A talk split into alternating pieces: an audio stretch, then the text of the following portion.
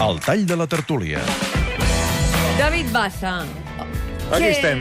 Què diu l'olla de Twitter? L'olla de Twitter de no para de bullir perquè l'entrevista a Patxi López està, està fent bullir l'olla, està fent Sí. bullir l'olla. Però eh, abans d'anar a l'olla, avui és que eh, estic una mica sacsejat perquè la tertúlia ha estat, avui ha estat farcida de sentències, començant pel tertulià puntual, en Josep Sí. Manès, que només començant ja ha posat el llistó molt, molt, però molt amunt. El, consens amb Espanya és uh, impossible. Sí, sí. Impossible, per tant, no hi ha Però res a avui hi fer. ha hagut moltes sentències. En Salvador Cardús ha tirat de la saviesa popular anglosaxona, parafrasejant un poeta, eh, així, d'aquesta manera. aquells qui han tret els ulls al poble eh, li retreuen que sigui sec. És una d'aquelles per pensar-hi, eh? Vaja, que no sortim de l'atzucac, tal com en Joan Major també ha sentenciat.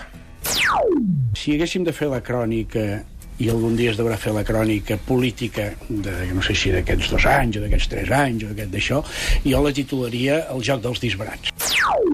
Però la sentència més sintètica i alhora profunda de totes l'ha fet en Miquel Puig, que, parlant de la corrupció i de les corrupteles, ha posat damunt la taula l'argument amb el qual els partits miren el món. Socialisme és el que fem els socialistes. Sembla molt senzill, però vol dir moltes coses. I vaja, que això, de socialista a socialista i tiro perquè em toca, eh, hem anat a petar el Patxi López, i Sí. a Patxi López ara sí que et diré unes quantes piulades, per exemple, que de l'olla de Twitter, eh, l'Anna Arisa diu Patxi López i Miquel Iceta han anat a la mateixa escola de doblatge i escapisme. En Joan Laborda diu cansa molt sentir les opinions espanyolistes al PSOE i la incomprensió absoluta de la situació a Catalunya. En Daniel, tanta bef amb les urnes de cartró ja cansa. Eh, La Maria Burgos, el diàleg del PSOE, dos punts. Prometre coses que ja sabem per experiència que no compliran. Eh, és a dir, totes les dinàmiques, totes les piulades van en aquesta línia, molts mails, per exemple, molts missatges. Eh, eh, L'Anna Pérez diu, quina por si hi ha gent seguidora del pensament d'aquest senyor. És antidemocràtic, tendenciós i tergiversador. Que és que hi dir, ha coses que no es poden votar.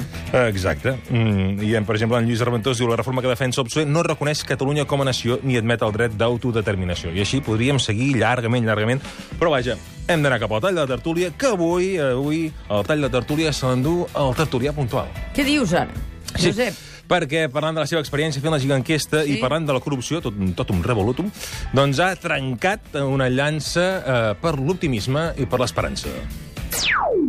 És molt vergonyós que una persona tingui 17 càrrecs públics, és vergonyós doncs, eh, que cobri 10.000 i uns sous extras a part del que ja té, que la gent no només tenia la ideologia, diguéssim, de, nacional, de sentiment, sinó que la gent volia anar a votar perquè se li hauria una esperança que aquest procés obre les portes a intentar fer una, una política d'una manera eh, diferent, d'una manera diversa, d'una manera més democràtica, d'una manera més, més real, no?